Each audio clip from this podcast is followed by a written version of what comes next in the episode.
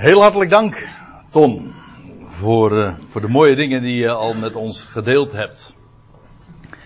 En inderdaad, wij gaan verder met de geschiedenis van Gideon, waar we inmiddels al een drietal keren over hebben nagedacht. En ik verwacht dat er nog wel twee keer zullen volgen. Een prachtige geschiedenis en voor een deel ook bekend zal ik maar zeggen, van de zondagschool. En dat geldt trouwens ook voor de geschiedenis die we vanmorgen onder ogen zullen zien. Dat was trouwens de vorige keer ook al het geval. U weet het, toen hadden we het over de, dat schaapsvel dat hij op de dorsvloer ging leggen. Uh, dat vervolgens, nou ja, die twee tekenen die daarmee plaatsvonden, een prachtige uh, geschiedenis. Maar we zijn toch wel heel duidelijk, en dat doen we iedere keer. En u mag ook niet anders van mij verwachten, denk ik. Uh, we gaan naar de diepte, dat wil zeggen, wat, waar spreekt het ten diepste van? Het is niet alleen maar een mooie geschiedenis, een mooi verhaal, echt gebeurt ook, maar uh, waar het van spreekt, dat kan niet missen. Het spreekt van de verlosser van Israël. En zo zou Gideon trouwens ook gaan opereren. En dat is eigenlijk de clue ook van zijn verhaal.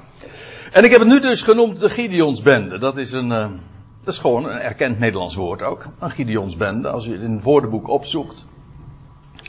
Dan staat er zoiets als, het is alweer een paar dagen geleden dat ik het uh, op, daarna keek, maar een, een, een voorhoede die de strijd levert. De, een, een kleine groep strijders die uiteindelijk de beslissing brengt. Zoiets. Dat noemen we een Gideonsbende. En, nou, de uitdrukking is uiteraard uh, ontleend aan de geschiedenis van Gideon. De, de term Gideons bende klinkt in onze moderne Nederlandse oren misschien natuurlijk een beetje vreemd. Hè, want uh, bij bende, ja, waar denk je bij bende aan?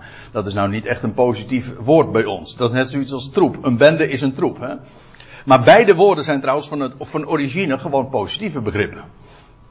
Een, een bende, dat is gewoon een menigte. En dat trouwens, een troep is dat ook. Denk maar aan uh, uh, een land die zijn troepen terugtrekt. Dan denk je helemaal niet aan, een rotzooi of zo. Uh, nee. Trouwens, het woordje bende, ik heb dat nog eens een keertje nagekeken. Dat kennen wij ook nog in de positieve zin. Maar dan eigenlijk via het Engels. Dan spreken we over een band. Hm? En eigenlijk is dat hier, ik zou het ook kunnen noemen de Gideonsband dat zou heel toepasselijk zijn, want wat deze groep uh, krijgt toevertrouwd, dat zijn ramshorens. Dus het wordt een blazerskorps. En zo gaan ze een enorme overmacht bestrijden. En ja, inderdaad, met ramshorens. Dus met zulke wapens, zulke instrumenten. En daarmee wordt ook de strijd beslist. Maar nou loop ik wel heel erg, om even toch in de beeldspraak te blijven, voor de fanfare uit, natuurlijk. Want zover is het niet. En zo, daarover gaan we het vanmorgen trouwens ook nog niet hebben, over de eigenlijke strijd. Iedere keer, uh, de eerste keer hadden we het over Gideon die geroepen wordt om Israël te verlossen. Die onder de voet gelopen was, waren door, het volk was onder de voet gelopen door Midian en door de stammen van het oosten. En Gideon zou de strijd aanbinden. En, maar iedere keer wordt de, uh, de geschiedenis eigenlijk vertraagd. Er vindt een onderbreking plaats. Laat ik dat nog eventjes zo uh, in, uh, op deze wijze voor de aandacht brengen. Gideon wordt geroepen om Israël te verlossen van haar vijanden. De vijanden die onder leiding staan van Midian. En dat doet hij uiteindelijk ook. Dus hij volvoert zijn taak. Maar dat gaat niet uh, op stel en sprong. Integendeel, de geschiedenis wordt telkens weer onderbroken. En daarover hebben we het eigenlijk ook iedere keer. Gideon moet eerst, nadat hij geroepen is. Trouwens, er zat ook al een onderbreking in. Maar goed. Gideon moet eerst het altaar in zijn vaders huis afbreken. En een, een keer een nieuw altaar bouwen.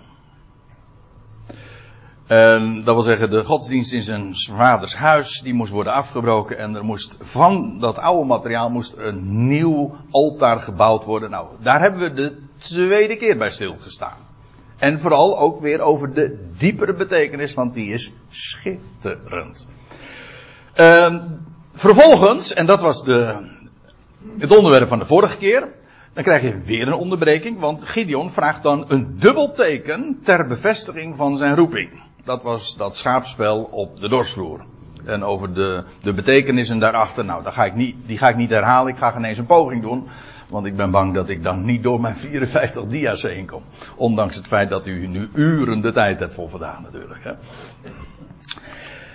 En dan in deze studie of toespraak ik weet niet hoe zwaar u het aangezet wil hebben. Maar dan gaan we het hebben. Maar dat is weer een onderbreking in de geschiedenis. Want dan is dat leger er. Maar dan moet het leger uh, enorm gereduceerd worden. Hij moet een heel bijzonder leger gaan vormen. Dat de geschiedenis van de 300 man. De Gideons Band. Laten we hem er zo in houden. Eens kijken hoe lang het duurt voordat dat, dat in het woordenboek terechtkomt. En dan krijg je trouwens nog iets, en daar zullen we vandaag ook nog bij stilstaan, tenminste ik hoop dat we daar aan toe komen. Dat is dat Gideon, voordat hij de strijd gaat aanbinden, eh, nog eerst gaat spioneren in het legerkamp van Midian. Dat wil zeggen, hij verblijft daar op een verborgen wijze en hij hoort daar hele bijzondere verborgen dingen. En wat ik eigenlijk daarover eh, naar voren breng is dat die, die vier onderbrekingen zijn feitelijk een soort vierluik. Kijk, Gideons roeping, dat is de, de, de clue van het verhaal. Als je het heel kort zegt, Gideons roeping, dan Gideon spreekt van de Christus. En zijn roeping, ja, en de hele geschiedenis daaromtrent spreekt van zijn eerste komst. Wat we nog moeten gaan bespreken, maar dat zal uiteindelijk volgen, dat Gideon verlost Israël daadwerkelijk van haar vijanden. In de vlakte van Israël, ik zou het ook nog anders kunnen zeggen, in Harmageddon. Dat wil zeggen, in de, vlakte van Megiddo. Daar beslist uh, uiteindelijk Gideon ook de strijd. En dat spreekt van, dat kan natuurlijk niet missen, Israëls daadwerkelijke verlossing van haar vijanden, van Christus, wederkomst. Maar in feite waar we het vooral over hebben, is dat wat daartussen ligt.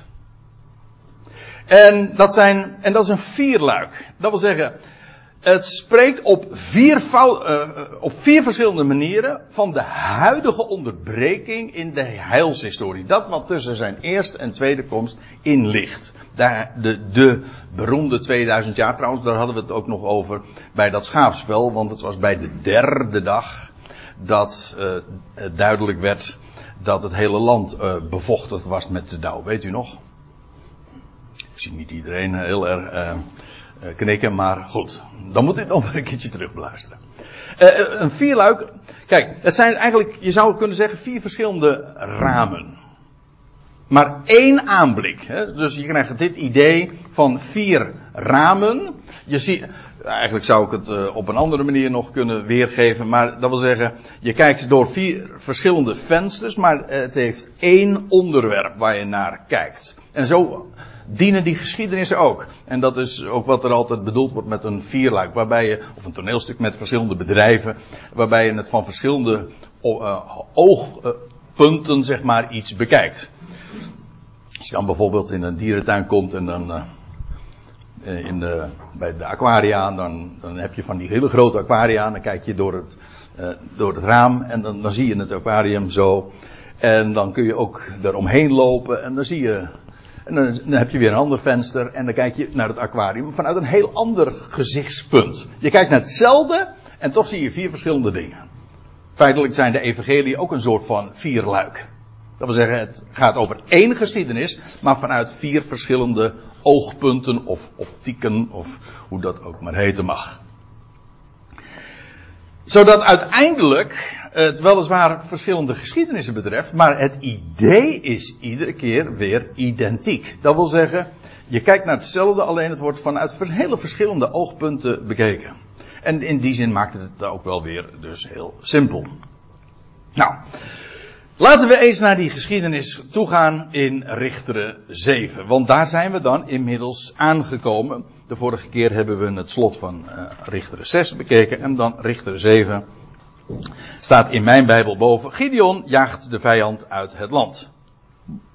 En dan beginnen we gewoon zoals te doen gebruikelijk bij vers 1. En daar staat. En Jerubaal, dat is Gideon.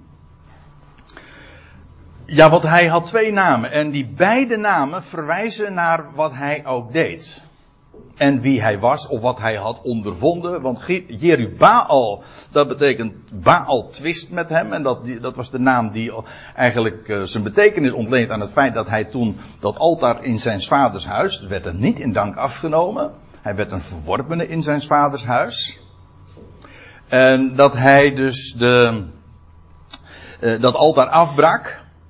En vandaar dat hij Jerubaal werd genoemd. Als je dat dus met Hebreeuwse oren beluistert, dan hoor je daarin meteen van, aha, hij heeft een, een conflict met, met Baal. Gideon betekent trouwens de houthakker en verwijst feitelijk naar hetzelfde, want wat hij deed was uh, die gewijde palen omhakken. Een houthakker dus. En uh, in beide gevallen verwijst naar hem, ja, naar Israëls verlosser, maar zal ik het nu eens anders zeggen, naar hem die vroeg opstond, ooit. En als je het zo zegt, dat is trouwens heel eigenaardig, want je vindt in deze geschiedenis, in, in een paar versen, vind je een paar keer dat gezegd wordt, en hij stond des morgens vroeg op. Je struikelt er weer. Waarom moet hij zo nodig vroeg opstaan? Nou, zou het misschien eens, ik geef het maar als een idee door, zou het misschien zijn om te verwijzen naar hem die ooit des morgens vroeg opstond. Toen eh, het, de, het licht de duisternis verdreef. En toen hij daadwerkelijk de dood van zijn kracht heeft beroofd. En feitelijk gaan al die geschiedenissen daarover. En daarom zeg ik, blijf ik altijd zeggen.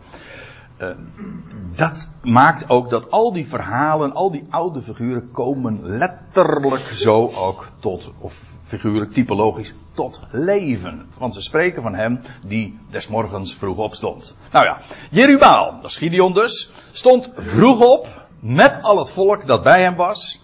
En zij legerden zich bij de bron van Garot. En Garot, en dat is wel uh, opmerkelijk, want dat blijkt ook later nog weer betekenis te krijgen. Het betekent beven, zidderen. Hetzelfde woord wordt in een paar versen later weer gebezigd. Um, tegenwoordig schijnt dat dan te heten Ein Galut. Maar goed, dat mag u weer vergeten. Het was in ieder geval bij de berg Gilboa. Dat wordt niet zo direct in deze geschiedenis vermeld. Maar dat kun je er wel uit de hele beschrijving uh, opmaken. En om even een idee te geven. Dit is dus uh, het land Israël, meer van Kinneret, de Dode Zee. Hier heb je dan Jeruzalem. Hier heb je de vlakte, een enorme grote vlakte trouwens van Israël. De vlakte van Megiddo wordt het geloof ik ook wel genoemd. En hier dan, ten oosten van die vlakte, ten zuidoosten van de vlakte, heb je de berg Gilboa, die vooral bekend is geworden omdat daar ooit koning Saul aan zijn eind is gekomen. Die berg, daarover hebben we het dus. En daar bevond dus uh, het, het leger van, van Israël zich. En de legerplaats van Midian, Midian die was noordelijk van hen. Uh, bezien namelijk vanaf de heuvel Moreh. Uh, en dat was dus in de vlakte. Dus hier ergens daarbij uh, dat is een, een heuvel of een berg in de vlakte. Die heet tegenwoordig geloof ik ook weer, tegenwoordig opnieuw weer Moreh. Dus dezelfde naam heeft hij behouden. Het is trouwens opmerkelijk dat de naam uh, Moreh al veel eerder in de Bijbel voorkomt. Alleen dan is het ook een plaatsnaam. Nou ja, eigenlijk meer de naam dan van een, wel, ja, van een locatie, maar van een eik. Een terebint. Namelijk, dat was de eerste plaats waar toen Abraham geroepen was en hij arriveerde in het land. Toen vestigde hij zich bij de eik van Moreh. En daar gaat een geweldige les van uit. En dat, uh, waarom ik dat zo zeg, expres, is omdat Moreh betekent eigenlijk ook onderwijs. Of onderwijzer. Ja, onderwijzer. Dus, uh, ja, nou over de betekenis van die eik, daar hebben we het wel veel vaker over gehad. Het heeft in ieder geval te maken met Gods belofte, zijn eed die hij gezworen heeft. En dus die naam herinnert in ieder geval daar ook aan. Aan die eed van die God zwoer bij, aan, uh, aan Abraham. Afijn, daar was dat dus. En, en zei tot Gideon, er is te, veel volk bij je om Midian in hun hand te geven. Nou, dat is nou echt een, een heel merkwaardig bezwaar. Dus dan moet je je voorstellen, dan heb je te maken met, uh, een strijd die je gaat aanbinden. En dan zegt God, uh, dit, vind ik niet, dit vind ik niet goed. Jullie zijn met veel te veel. De kans is veel te groot dat jullie gaan winnen. Dat lijkt een, dat is een bizarre argument. Uh, u moet weten, we zullen dat straks uh, trouwens ook zien. Er waren, er was, uh, want alle mannen die ook maar enigszins in de gelegenheid waren, dat waren dus allemaal strijdbare mannen, zo heet dat dan ook. Gewoon, elke kerel, zeg maar, die moest opkomen dagen.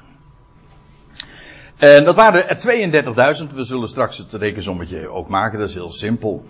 En dat vond God te veel. En er staat erbij, ik kom er straks nog even op terug, maar, want er wordt een argument voor gegeven. De Heer zegt tegen Gideon, uh, er is te veel volk. En waarom? Opdat Israël zich niet tegen mij zou beroemen en zeggen, mijn eigen hand heeft mij gered. Daarom wil ik dat jij dat leger gaat reduceren, kleiner gaat maken.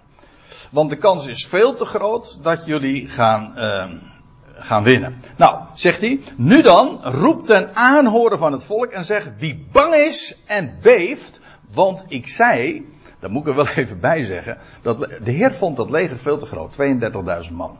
Maar nou moet u even voorstellen hoe die mensen, die, al die strijdbare kerels daarover gedacht hebben.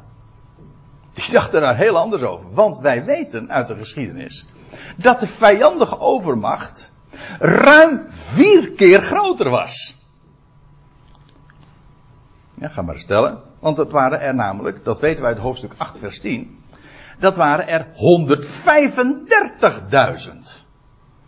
Kunt u zich voorstellen dat daar heel wat mensen waren uh, aan Israëls kant die zeiden, die bang waren en beefden, want zij moesten tegen een, een overmacht die vier keer groter was gaan strijden. Nou, dat, dat lijkt mij toch. Uh, dat lijkt mij nou niet echt een, eh, een, een goed een begin, een bemoedigende gedachte om, om, om zo de strijd te gaan aanvangen. Een leger dat vier keer zo groot is.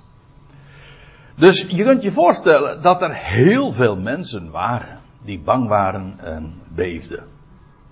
Trouwens, hier wordt dat woordje beven gebruikt en dan staat er weer dat woordje garot waar we het zojuist over hadden. Ik zou me niet verbazen als die bron gewoon die naam ook heeft gekregen omdat men daar zo beefde.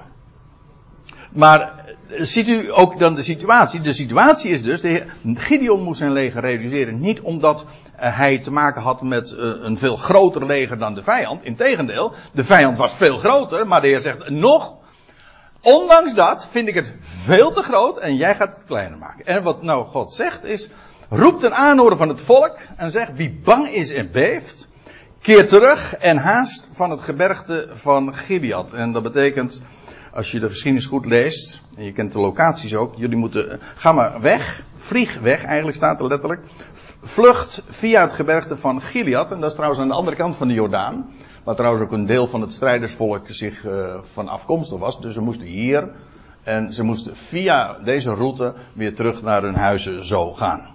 In ieder geval, dat, zo wordt dat genoemd. Nou, dus die mogen wegkeren. En dan staat er, en toen keerde van het volk 22.000 terug. Oei. En er 10.000 bleven er over, dus maak het simpel. Rekensommetje, er 10.000 bleven er over.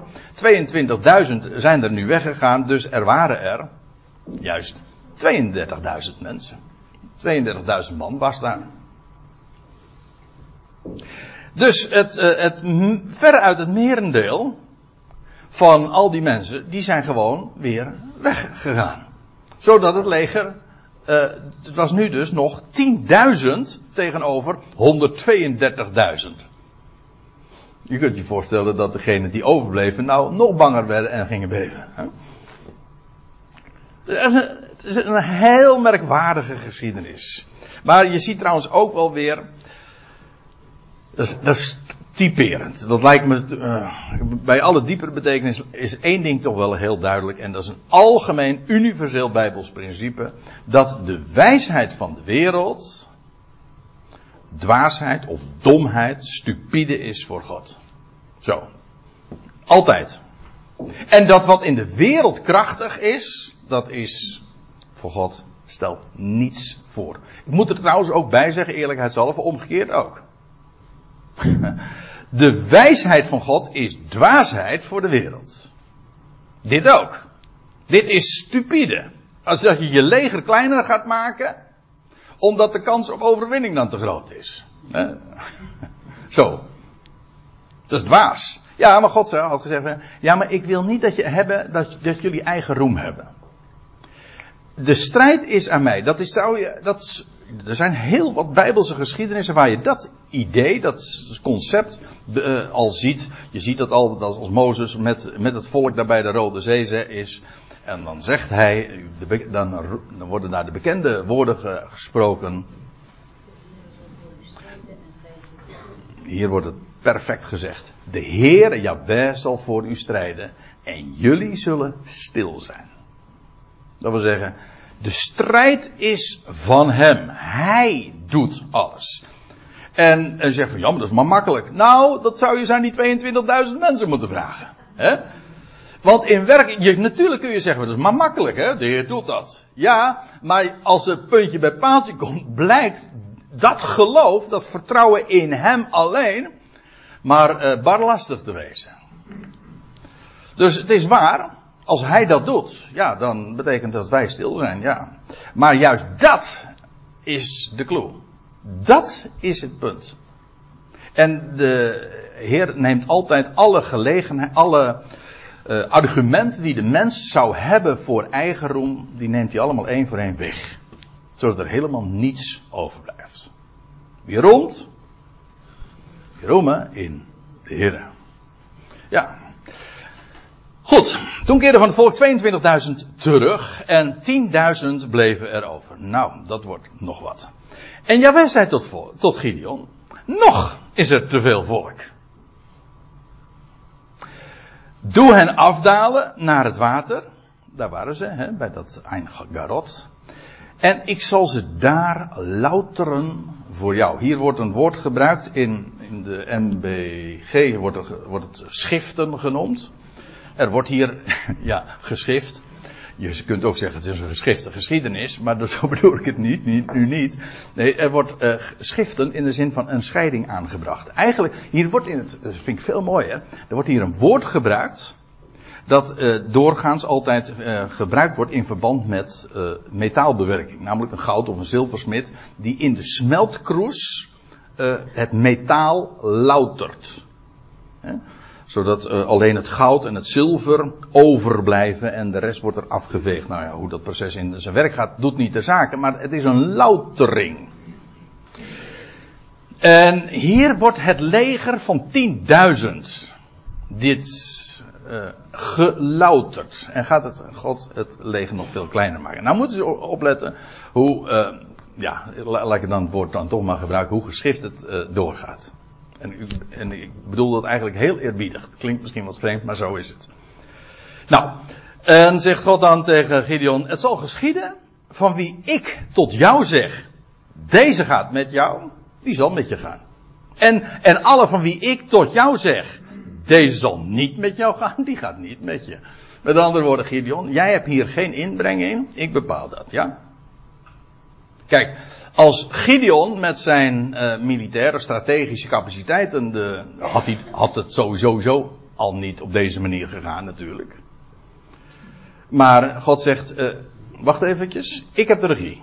Als je mij alle eer wil geven, laat mij dan ook het werk doen. En laat mij dan ook de commando's geven. Laat mij dan ook de aanwijzingen geven hoe, hoe het in zijn werk gaat. Nou. Toen deed Gideon het volk afdalen naar het water. En Jawel zei tot Gideon, nou, ieder die met zijn tong het water likt, zoals een hond likt. Ja, zo wordt het genoemd. In de, eh, met zijn tong uh, uh, opslurpt, zegt de NBG-vertaling. Maar het, idee is juist die metafoor van, van die hond, weet je wel. Ja, hoe, als je een hond naar een emmer water, een emmer water geeft, wat doet hij? gaat hij met zijn mond, dus komt hij helemaal bij het water zelf. En likt het zo op. Ja, ik zal het er niet voor doen. niet zo.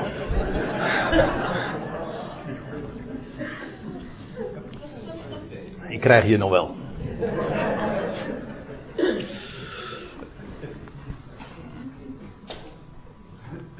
Dus, nou, wie doet dat nou? Als je naar de bron dan afdaalt, dan, dan doe je dat toch niet. Nou, dat blijkt ook inderdaad in de praktijk zo te zijn. Maar nu eventjes voordat we nu verder gaan. Uh, in de Bijbel is een hond. Bij ons heeft het een hele positieve betekenis. Nou, in Huizen Piet trouwens niet. En bij deze persoon die voor u staat ook niet. Maar goed, dat is uh, onze afwijking, zal ik maar zeggen. Maar in de Bijbel is een hond uh, een type van de natie, de heidenen. Een hond. Uh, een straatdier, die je gewoon een schop geeft, wegwezen. ja, sorry. Uh, het is een type van de natie. ik verwijs hier naar deze geschiedenis van Matthäus 5. Ik heb er onlangs in Urk nog over gesproken. Daar gaat het over, uh, over de Heer die zegt van ja, ik ben alleen maar gezonden tot het, tot het, tot het huis van Israël. En uh, hij zegt het is niet goed om het brood dat ik serveer, om dat aan de hondjes te geven. En dat zegt hij dan tegen een heidense vrouw. En dan zegt die vrouw van ja, wacht even, maar de hondjes die eten toch ook van de kruimeltjes die van de tafel vallen. En dan zegt Heer, groot is jouw geloof. Maar het gaat er eventjes om dat uh, je hebt aan de ene kant uh, de degene in het huis. En de honden, ja, die eten, dat zijn de, natieën. Er zijn verschillende voorbeelden daar ook van hoe dat werkt. Het Hebreeuwse woord trouwens uh, daarvoor is. Er is iemand die zo heet, een hele bekende figuur. Caleb. Ja, Caleb. Joshua en Caleb. En Caleb, dat betekent hond dus. En een hond is een type van de natie. En waar bronwater een type van is, nou dat zou toch niet moeilijk moeten wezen, want er zijn zoveel bijbelse geschiedenissen waar gesproken wordt over de bron. Nou, volgens mij zei Ton het zojuist nog even, over de bron hè, van levend water. Mij de bron van levend water. Nou, het, eh, dat levende water is een beeld van het woord en de bron is degene uit wie dat woord voortkomt. Uh, altijd weerkerende bron ook van leven, van kracht, en dat is inderdaad een beeld van het woord. En daarmee zijn degenen die uh, dit water likken zoals een hond likt, een type van degene uit de natieën die het woord tot zich nemen, op een hele ongemanierde manier, zal ik maar zeggen. Eigenlijk is dat zijn de natie. Ook als, als je aan een, een Jood, een, orthopraxe, orthodoxe Jood vraagt van, ja, wat is die natie? Ja, die leven eigenlijk ongemaneerd. Wij hebben de, wij hebben de wetten, de gebruiken, en wij doen dat keurig, netjes. Uh, die heiden zijn honden. En vanuit hun perspectief bezien is dat ook zo. Nou, die, degenen die dat doen, want dat zullen er 300 blijken uh, te zijn, uh, die zijn een type van een selectie van mensen, maar dan honden uit de natie. Die inderdaad het woord tot zich nemen. En daar gaat de Heer mee verder. Uh, hou hem even vast. Ieder die met zijn tong het water likt, opslurpt, nou letterlijk dus likt, zoals een hond likt, hem zul je, hem zul je afzonderen van ieder die zijn knieën buigt om te drinken. Normaal gesproken is trouwens dat woord wat hier gebezigd wordt. De vertalingen zijn over het algemeen niet zo letterlijk. En er schijnt ook veel misverstanden of uh, veel discussie erover te zijn. Want ik heb zelfs echt waar. Kijk het in de diverse uh, beroemde standaardverklaringen maar na. Dan zeggen ze ja, dat was een hele uh, strategische militaire set van uh, nou, van de Heer dus eigenlijk. Want degenen die dat doen, die zijn eigenlijk bekwamer om de strijd aan te binden. En andere mensen zeggen, eh, dat vond ik ook wel weer leuk, want dat werd geargumenteerd. En anderen zeiden, nee, ze werden juist uitgekozen omdat ze niet be be bekwaam zijn en niet militair eigenlijk geschikt waren. Ik vond het gewoon een onzinverhaal.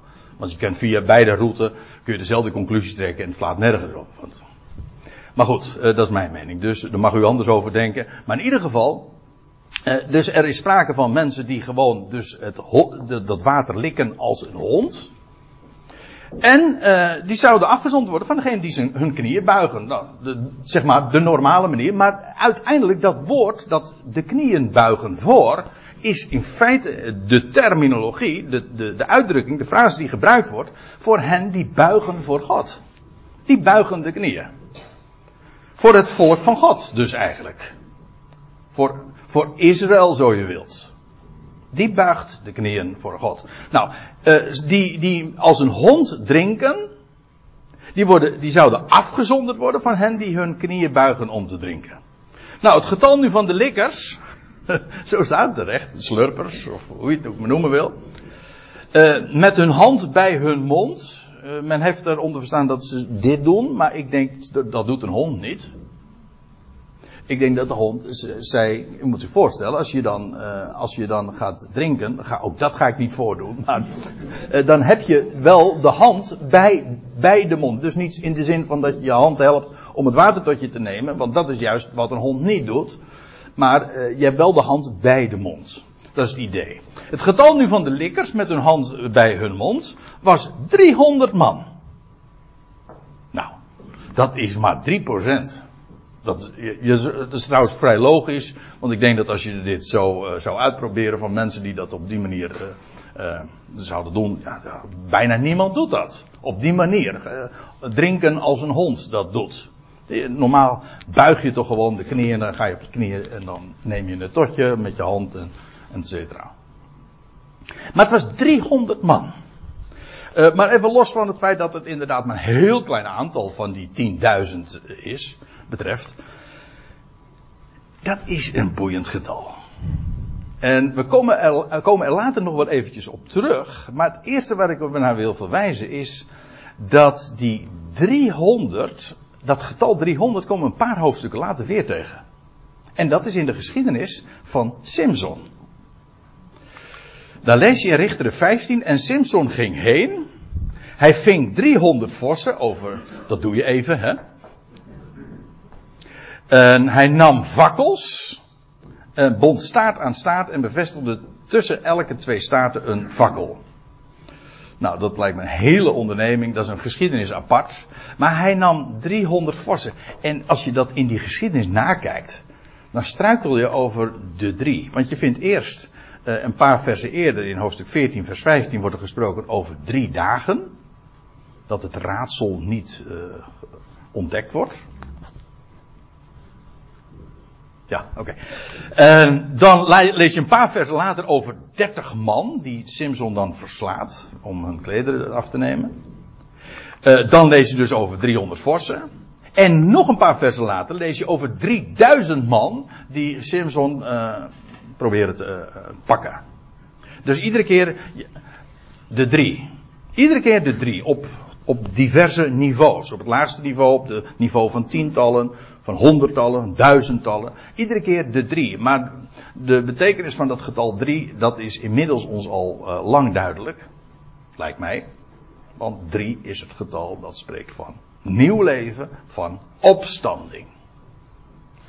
Eigenlijk al vanaf de eerste bladzijde van de Bijbel. De eerste keer dat er gesproken wordt over de derde en de drie en de derde dag, dat is de dag dat het land uit de wateren tevoorschijn komt.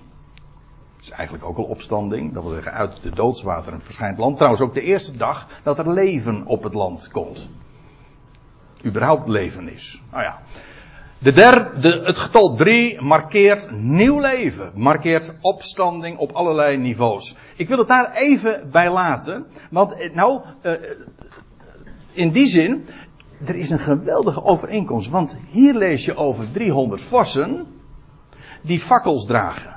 Maar wat doen die 300 man die straks de strijd gaan aanbinden die Gideon, uh, die Gideon dus uh, recruteert, zeg maar. Ja, precies. Ja, ik zei net, ze hebben, ze krijgen een shofar, het is een blazerskorps, wordt het feitelijk. Dat is waar. In de ene hand lees je dat ze de, de shofar hadden en in de andere hand hadden ze een fakkel. Ja. He? Ja, en, ik, ja, en een fakkel uh, in de kruik. Want eerst, ja, en dan, nou ja, over de betekenis daarvan, daar gaan we het nog over hebben. Maar het gaat er eventjes om. Ze moesten fakkels dragen. 300 fakkeldragers die de strijd aanbinden. Sterker nog, die, door die 300 fakkeldragers wordt de vijand verslagen. Dat is hier zo. En een paar hoofdstukken later lees je dat ook in verband met, uh, met Simpson. En dat heeft ook alles te maken weer met deze tegenwoordige tussentijd. Maar Nee, dat wordt te veel om dat nu uit te wijden. Misschien dat we daar op een andere tijdstip nog eens een keertje op terugkomen. Uh, nu is het even genoeg om op die, uh, die, die link, zeg maar, te wijzen. In ieder geval, 300 man, die drinkt als een hond. Dat zijn likkers. Ongemanierde mensen, honden zeg maar. 300 honden, 300 honden, ja. En, en dan uh, dan lees je, en al het overige volk, dat boog zich op hun knieën om te drinken. Dat zijn dus, we gaan weer even een rekensommetje maken. Dat was, er waren er 10.000. 300 likkers zijn er. En de rest dus, die gewoon keurig buigt. De knieën buigt. Dat zijn er dus 9700. Al het overige volk, 9700 man dus, die boog zich op hun knieën om te drinken. En Jawel zei tot Gideon, door de 300 man die hebben gelikt, red ik jullie.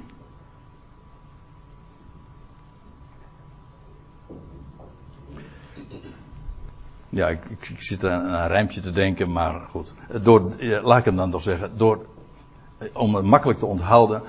Door 300 die likken, ga ik het. Juist. Flikken. Zo ga ik het doen. Dat is de wijze waarop het.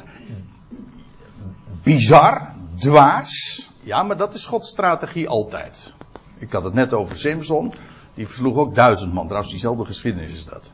Dat, wie, dat deed hij door een. Een wapen. Ja, ja. Een ezelskaak. Hm? Zulke dingen. Dat uh, God kiest zulke attributen. Ja, wij zijn toch niet door de 300 man die hebben gelikt red ik jullie. Dus het is eigenlijk, die 300 man die, die worden hier niet zozeer gezien als, uh, als, als Israëlieten. Nee, ze zijn juist afgezonderd van Israël. Eigenlijk zijn ze het verlengstuk, als ik het zo mag zeggen, van de Heer zelf. Ik red jullie, namelijk door die 300 man. En geef ik Midian, wat dat woord trouwens, uh, dat betekent twist, ruzie, conflict, uh, in jouw hand. Dat is een mooie trouwens. Dus, hoe, uh, hoe het twist en de ruzie en het conflict beslecht wordt. Dat, zeg, dat doe ik. En al het overige volk, nou, die kunnen, mogen naar huis. Die kan heen gaan, ieder naar zijn plaats. Nou, daar was Gideon dan met dat leger van 32.000 man. En er is zo goed als niemand overgebleven. Ja. Nou, nog minder dan een procent zeker. Ja, 300 man. Tegen een overmacht dus van 132.000 man. Vergeet dat even niet. Dus is dus naar de mens gesproken volstrekt belachelijk. Nou, en dan. Uh, maar dat komt allemaal niet aan de orde. Er wordt hier niet gesproken over hoe, wat dat. Hè? U weet dat, dat zijn van die beroemde journalistenvragen. Ik vind ze altijd een beetje vreemd. Maar als dan er iets gebeurt en dan wordt er, iemand heeft een overwinning behaald. En dan wordt er de microfoon onder de neus van de, de kampioen eh, gebracht. En zeggen, wat ging er door je heen? En zo. En dat zijn van die vragen.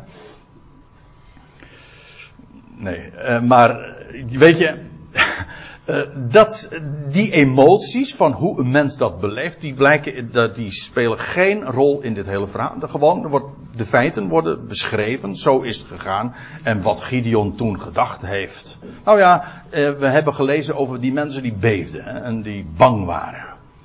Dat is waar. Maar dat, dat is het dan ongeveer. Uh, zijn, zij, die 300 man, die namen het proviant, dat wil zeggen de leeftocht zeg maar, e, het eten en drinken, van die 10.000. Nou ja, van de overige, zo moet ik het eigenlijk zeggen. Ze namen het proviant van het volk in de hand. En hun ramshorens, hun, de shofars, de bazuin. En het woord zelf is al zo duidelijk gekoppeld aan de wederkomst waar ik het zojuist al even over had. Over de grote dag. Dat is de dag van het bazuingesal. Maar dat is eigenlijk de dag van de ramshoorn. Dat is eigenlijk ja, we zeggen het is een muziekinstrument, maar feitelijk is het gewoon een, eh, een, een, een lichaamsdeel of een overblijfsel. Een, eerst een, je, hebt die ram en die is, eh, die is er niet meer. Die is geslacht. En wat er overblijft is die horen. Ja. Nou, daar hebben we het geloof ik al even eerder over gehad. Dus dat laat ik eventjes. In ieder geval, dat volk dat, dat krijgt de proviant van het volk. Uh, die 300 man krijgt de proviant van het volk. Uh, en bovendien hun ramshorens, de, de. En hij, Gideon, liet alle mannen van Israël heen gaan. Ieder naar zijn tenten. En de, en de 300 mannen, die hield hij vast. Zo. De legerplaats nu van Midian, die lag beneden hem in de vlakte. En ik heb daar een mooi plaatje van. Hier heb je, dit is een uh, foto van de vlakte van Megiddo, van Jezreel, waar ik het over had. Enorm grote vlakte. Ook buitengewoon vruchtbaar trouwens. En dit is uh, een foto genomen vanaf de Gilboa-berg. Waar dus Gideon zich uh, bevond met uh, ja, nu nog die 300 man maar. En dat lag dus beneden hem en dit uitzicht heeft hij zo ongeveer dus gehad. Nou, en nou komen we bij eigenlijk wat we nu gehad hebben, die, dat recruteren, die selectie van die 300 man. Daar hebben we het nu over gehad. Nou, waar dat een beeld van is, uh, het spreekt van God die voordat hij de overwinning behaalt, hè, door, voordat Gideon, de Messias, eerst als verlosser de overwinning behaalt, door, over de vijanden, voordat dat gebeurt, wordt er eerst een leger verzameld, dat eigenlijk afgezonderd wordt van Israël, dat eigenlijk honds is. En zo het water tot zich neemt. Dat is een type van uh, wat de Heer vandaag eigenlijk ook aan het doen is. Dat wil zeggen, hij verzamelt zich uh, een aantal. Sorry, dat ik zeg. Hij verzamelt zich nu honden. Ongemanierde mensen. Maar die het bronwater tot zich nemen op die wijze.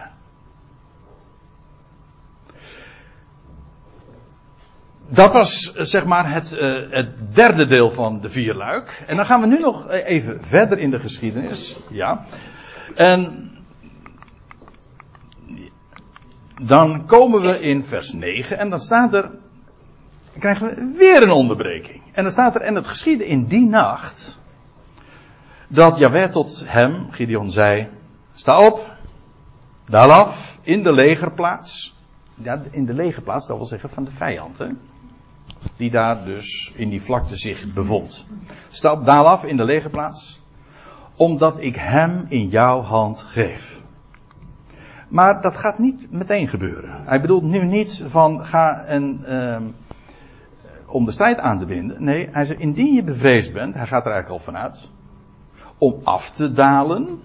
Of eigenlijk de MBG-vertaling verklaart het meteen en dat, daar komt het wel op neer. Indien je bevreesd bent om af te dalen, om binnen te vallen, daal af. Jij en jouw jongen, en die jongen die heet Pura.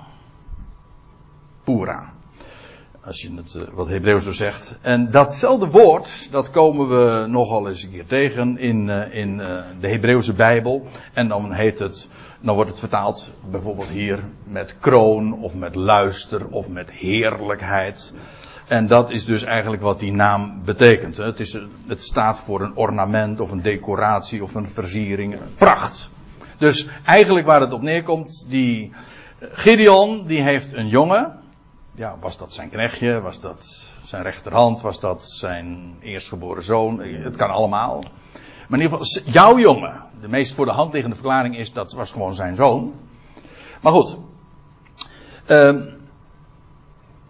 maar die zoon, en dat gaat eigenlijk om de betekenis van die naam, Gideon die uh, zou afdalen met zijn kroon, met zijn luister, met zijn versiering, met zijn heerlijkheid. Hou hem even vast. Die je bevreesd bent door af te dalen, daal af, jij en Pura, jouw pracht, jouw decoratie, jouw jongen, naar de legerplaats. Dat wil zeggen van de vijand. Hij moet, let op, ik ga het meteen nu eventjes op een zodanige manier formuleren, dat je ook meteen begrijpt van wat hier eigenlijk gaande is. Ga naar daar die heidenen toe. Ga vertoeven daar onder de natieën. Dat moest hij trouwens incognito doen. In de nacht, want er staat er. En er staat er nog iets bij. En jij, Gideon, jij zult horen wat zij spreken. Um, dus Gideon, die moest daar dus naar de vijand toe gaan. Daar onder de heidenen verblijven. Uiteraard moest hij zich, dat was feitelijk Je zou kunnen zeggen, in militaire termen was dit spionage. Hij zou daar naartoe gaan. En waarom zouden we die daar naartoe moeten gaan? Wel om, om te luisteren. Hij zou daar iets horen. Hij zou daar iets horen. En wat zou hij horen? In het verborgene. Nou, nou, naar iets wat daar verteld wordt. Wat daar onder de natieën verteld wordt. Nou, we gaan lezen verder. Daarna zullen je handen vasthoudend zijn, zo staat het er letterlijk. Zal je standvastig zijn, dat wil zeggen bevestigd worden. Wat jij straks, wat jij Gideon met Pura gaat horen daar. Onder die heidenen daar. Daar zal je versteld van staan, want het zal je, uh, het zal je handen vasthoudend maken. Dat wil zeggen, daardoor zul je bekrachtigd worden en je zult dan vervolgen, daarna dus, afdalen in de lege plaats uh, afdaan, dat wil zeggen uh, de lege plaats binnenvallen. Dus hij, hij zou de lege plaats binnenvallen, maar voordat hij de lege plaats dus binnenvalt en de strijd gaat aanbinden, zou hij nu in incognito, in het verborgene, daar al naartoe gaan en zou hij iets horen daar. Dat is wat hij hier, het commando wat hij krijgt. Ga, ga er al vast naartoe, nu in de nacht. En je zult, uh, ja, dus ik vat het hier zo samen. Dus voor de overwinning op, op de natieën zou Gideon incognito, dus onherkenbaar, onder hen verblijven en iets horen. Een, let op, we lezen verder. Toen, zoals gezegd, zoals aanbevolen, eh, gezegd door de Heer, daalde hij af, hij en Pura, zijn jongen, tot de rand van de vijven in de legerplaats. Moet ik eventjes uh, dat is echt iets wat ik eh, moet toelichten. Want als u nou in een gewone vertaling kijkt, dan staat er de, de, de strijdmacht. Maar hier staat hier in het uh, Hebreeuws Hagamishin. En Gamishin dat is gewoon het meervoud van vijf. Dus gewoon staat letterlijk vijven. Dat kan in het Hebreeuws ook vijftig betekenen. In het Hebreeuws is, is, is dat gewoon uh, vijf. Vijftig gewoon. zeg je vijven. Gamesh is 5, Gameshim is 50. Nou. Um, dat is trouwens leuk, want uh, in Exodus 13, daar vind je, dit woord komen we, komen we heel wat keren tegen. Vijven, Gameshim. En het wordt altijd gewoon vertaald keurig met vijven of met vijftig. In het Hebreeuws, zoals gezegd, is dat hetzelfde. Het is, dat geeft ook, is aanleiding geworden tot een, mis, een beroemd, of nou ja, voor mij inmiddels beroemd een misverstand. En dat is dat je in Exodus 13 in vers 18 leest, in de Statenvertaling, daar staat namelijk dit. De kinderen Israëls nu togen bij vijven uit Egypteland. Zo staat in de Statenvertaling. En uh, het leuke daarvan is dat je natuurlijk in het Nederlands uh, idioom dan hoort van, oh dat was, uh, dat is tijdstip. Ze gingen bij vijven, gingen, nou zou dat nou aardig kloppen, want ze gingen inderdaad op heel vroeg, vroeg gingen ze eruit. Dus bij vijven. Maar het idee is niet zozeer, dat is niet het tijdstip. Ze gingen namelijk in, in, in vijf fout. Dus in vijven opgesplitst of, hoe zeg je dat, in rijen, in rijen van vijf. Ik meen ook dat een andere vertaling dat zo zegt, in rijen van vijf. Maar letterlijk staat er dus, in het Hebreeuws is heel erg compact, bij vijven. Wat dat dan ook mogen betekenen. Nou, dat woord wordt hier ook gebezigd. Uh, trouwens, nog eventjes uh, voor degene die dat nog ontging. Vijf is het getal van, ja, dat is de He het Hebreeuwse. Dat is een, ja, bij ons is vijf een cijfer, maar in het Hebreeuws is het ook gewoon een, getal, een, een, een letter. Dat komt omdat letters gewoon een getalswaarde hebben. En de vijfde letter is de he. En ons woord heitje, dat, is een, dat zijn eigenlijk vijf stuivers. En, en dat is een heitje. Alleen eh, in de Bijbelse gedachte is een heitje niet voor een karweitje, maar een heitje spreekt juist van genade. Van wat je niet wat je, waarvan je iets moet doen, maar wat je krijgt. En ik heb dat. Uh, ik heb dat eens een keer gelezen in Genesis, want daar lees je inderdaad over twee vijven. Daar lees je over een ouder echtpaar, een heel oud echtpaar. En die konden helemaal niks meer. En die kregen allebei een vijf in hun naam. Ja. Namelijk Abraham. Hij heette Abram. En hij kreeg een he, een vijf aan zijn naam toegevoegd. En dat niet alleen. Uh, zijn vrouw Sarah ook. Dat is wat lastiger, maar die krijgt dus de naam Sarah. Dus Ook met de he. Dus bij vijf, die wisten heel goed. En dat was juist nadat God zijn belofte had bevestigd. Ik ga dat doen. Jij, jij bent daar niet toe in staat. Jij bent tot deze karwei niet in staat. Geen punt. Ik geef het jou. Dat, jullie. Jullie beiden krijgen vijven van mij. Dat is genade. En dat dat later ook een militaire term werd. En dat in, in kolonnen, dat wil zeggen in rijen van vijf of zoiets. En dat het dier die betekenis ook heeft. Namelijk dat ze bij de rand van de strijdmacht kwamen. Dat kan, ik ontken dat helemaal niet. Ik zeg alleen, in het Hebreeuws staat het bij vijven. En je zou moeten struikelen over het getal.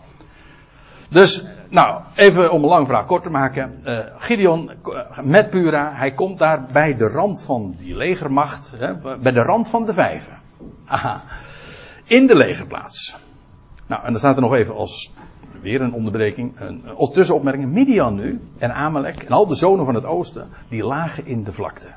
Als sprinkhanen zo talrijk.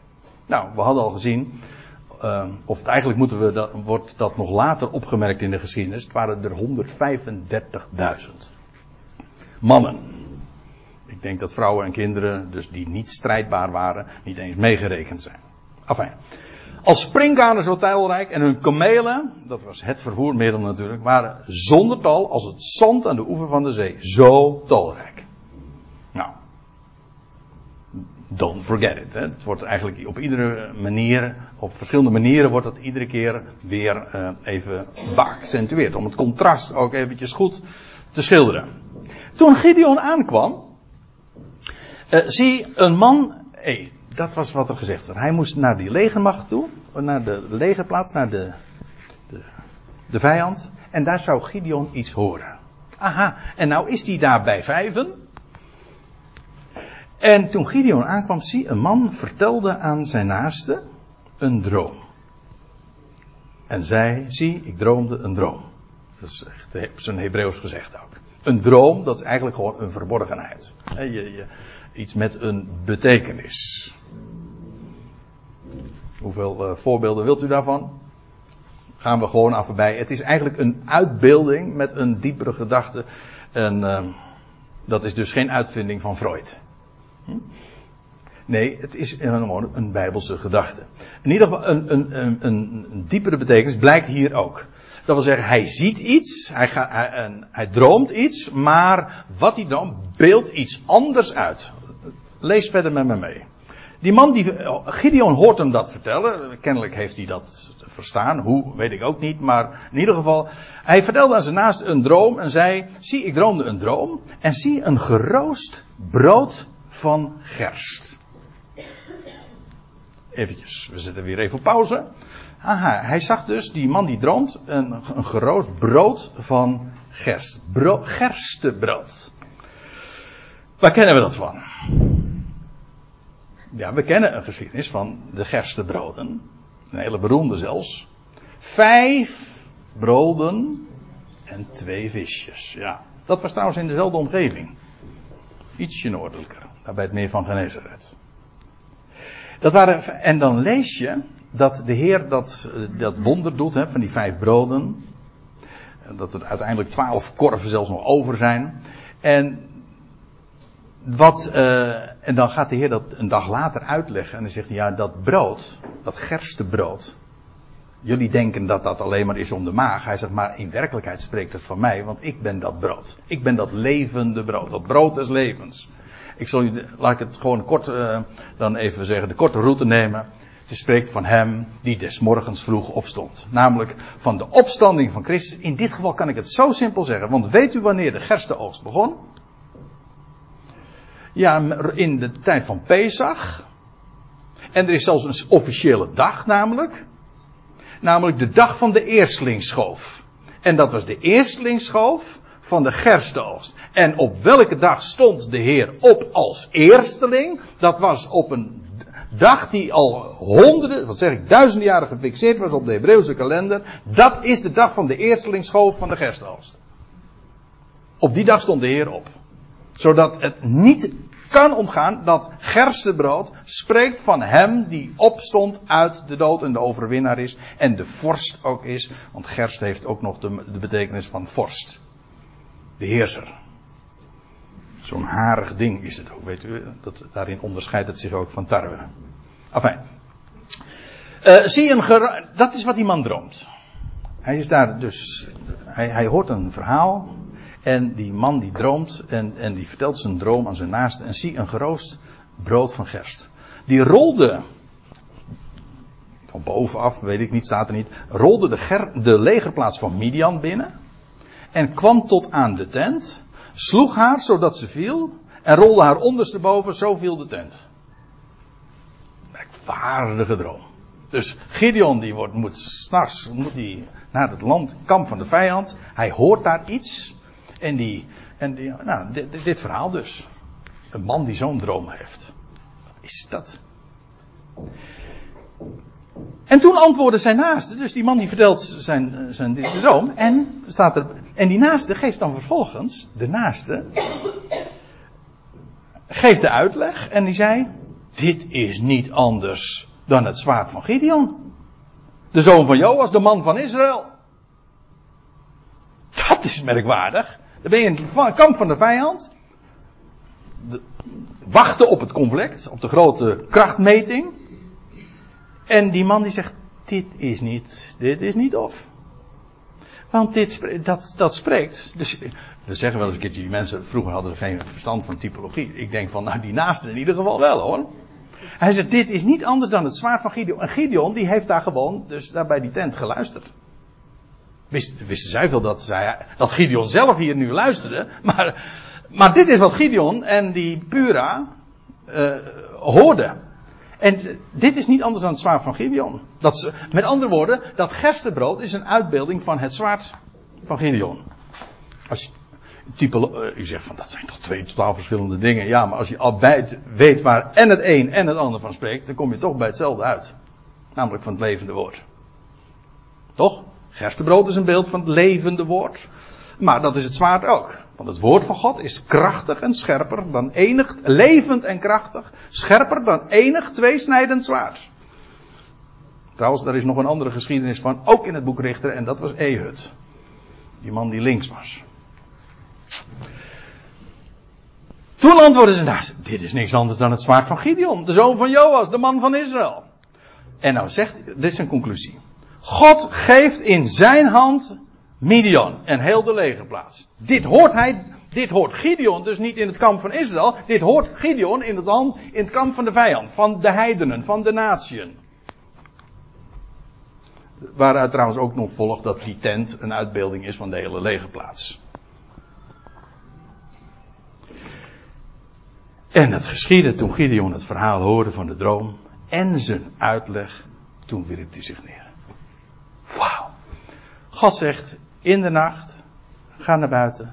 En daar, daar onder de natieën, in het verborgene, zal jij de waarheid horen. En Gideon is helemaal flabbergasted. Hij, is, uh, hij, hij wierp zich neer. Er staat trouwens letterlijk, hij hoorde van de droom en zijn uitleg. Maar ja, dat, is, uh, dat woord uitleg, dat is een uitleg. het klopt wel, ik ben het er wel mee eens. Maar het, het woord wat er namelijk letterlijk staat is breking. Zo wordt het ook altijd vertaald. En de gedachte is uh, dat, uh, zoals je dat bij een vrucht hebt. Hè, zo, trouwens, er zijn heel wat voorbeelden van te geven. Een vrucht moet breken ja, om haar inhoud, het zaad, het nieuwe leven vrij te geven. Dus het idee is, uh, het, het gaat erom om wat erin zit. En die buitenkant moet breken. In dit geval die droom zelf, het verhaal wat hij gezien had, dat was, ja, uh, dat was de vorm. Ja, maar het gaat om wat erin zit. De, het concept, de gedachte, de betekenis. En dat is wat daar is. En dat heeft Gideon nu, daar in het vijandige kamp, heeft hij dat gehoord. En niet alleen die droom, maar ook bovendien hoe ze daar onder de natieën dus de waarheid vertellen. Dat Gideon de overwinnaar, overwinnaar zal zijn. Dus misschien, daar in het kamp van Israël hebben ze misschien uh, alsnog die 300 man gedeefd en dergelijke. Ja, maar onder de natieën wisten ze het al. Althans, zij. Verborgen. En dat is het verhaal. En Gideon hoort inderdaad die droom en zijn breking. Gisteren juist nog een filmpje gezien. Uh, was heel bijzonder. Je hebt allerlei zaden in, in de, die, uh, die zomaar spontaan gewoon echt breken. Dat is. Zaad verspreidt zich via de wind, allerlei manieren, maar ook door breking. Eigenlijk een soort van explosie. Je raakt het aan. Je, je kent wel van die, van die planten. Je, je, je raakt het aan en breekt het zo los. En, en dat wat erin zit, komt er dan uit. En daar gaat het dan maar om. Nou, Gideon hoort het verhaal, die geschiedenis van de droom en van zijn breking. En hij wierp zich neer. Wauw, dit is onvoorstelbaar. En hij keerde terug naar de legerplaats van Israël en hij zei: Sta op, want Jahweh geeft de legerplaats van Midian in jullie hand. En nu pas, dat wil zeggen, uh, vanaf dit vers, eigenlijk vanaf het volgende vers, vind je de eigenlijke strijd. En alles wat we tot dusver gezien hebben, ja, dat was, uh, dat is prelude. Dat waren, uh, ja, ik zei al, het is een vierluik, allemaal onderbrekingen. Maar het spreekt allemaal van het geweldige wat God doet tussen de eerste en de tweede komst. Een volk verzamelen. Niet, stelt niet veel, stelt niks. Naar de mens gesproken stelt het niks voor. Stel het je honden. Ja. Maar zo gaat de Heer de strijd aan. En overwinnen. En vooral die, dat vierde deel van, die, van deze geschiedenis. Dat Gideon het verhaal van zijn overwinning al hoort, al verneemt onder de natie. In het verborgen, in een droom, in, in beeldtaal. Jawel. En daar verneemt hij ja, van wie Gideon is en de overwinning die hij, hij zal behalen. En dat is precies ook van wat er vandaag gebeurt. De overwinning moet nog behaald worden, maar het wordt nu vernomen onder de natie. In het verborgene. De verborgenheid. En zo, uh, Gideon die hoort dat daar uh, in, dat, uh, in dat legerkamp met Pura, zijn zijn jongen. En hij staat versteld hoe hij de waarheid van God verneemt daar onder de natieën op een zo'n verborgen manier. En dat betekent dat we nu bij 15 zijn aangekomen, ja.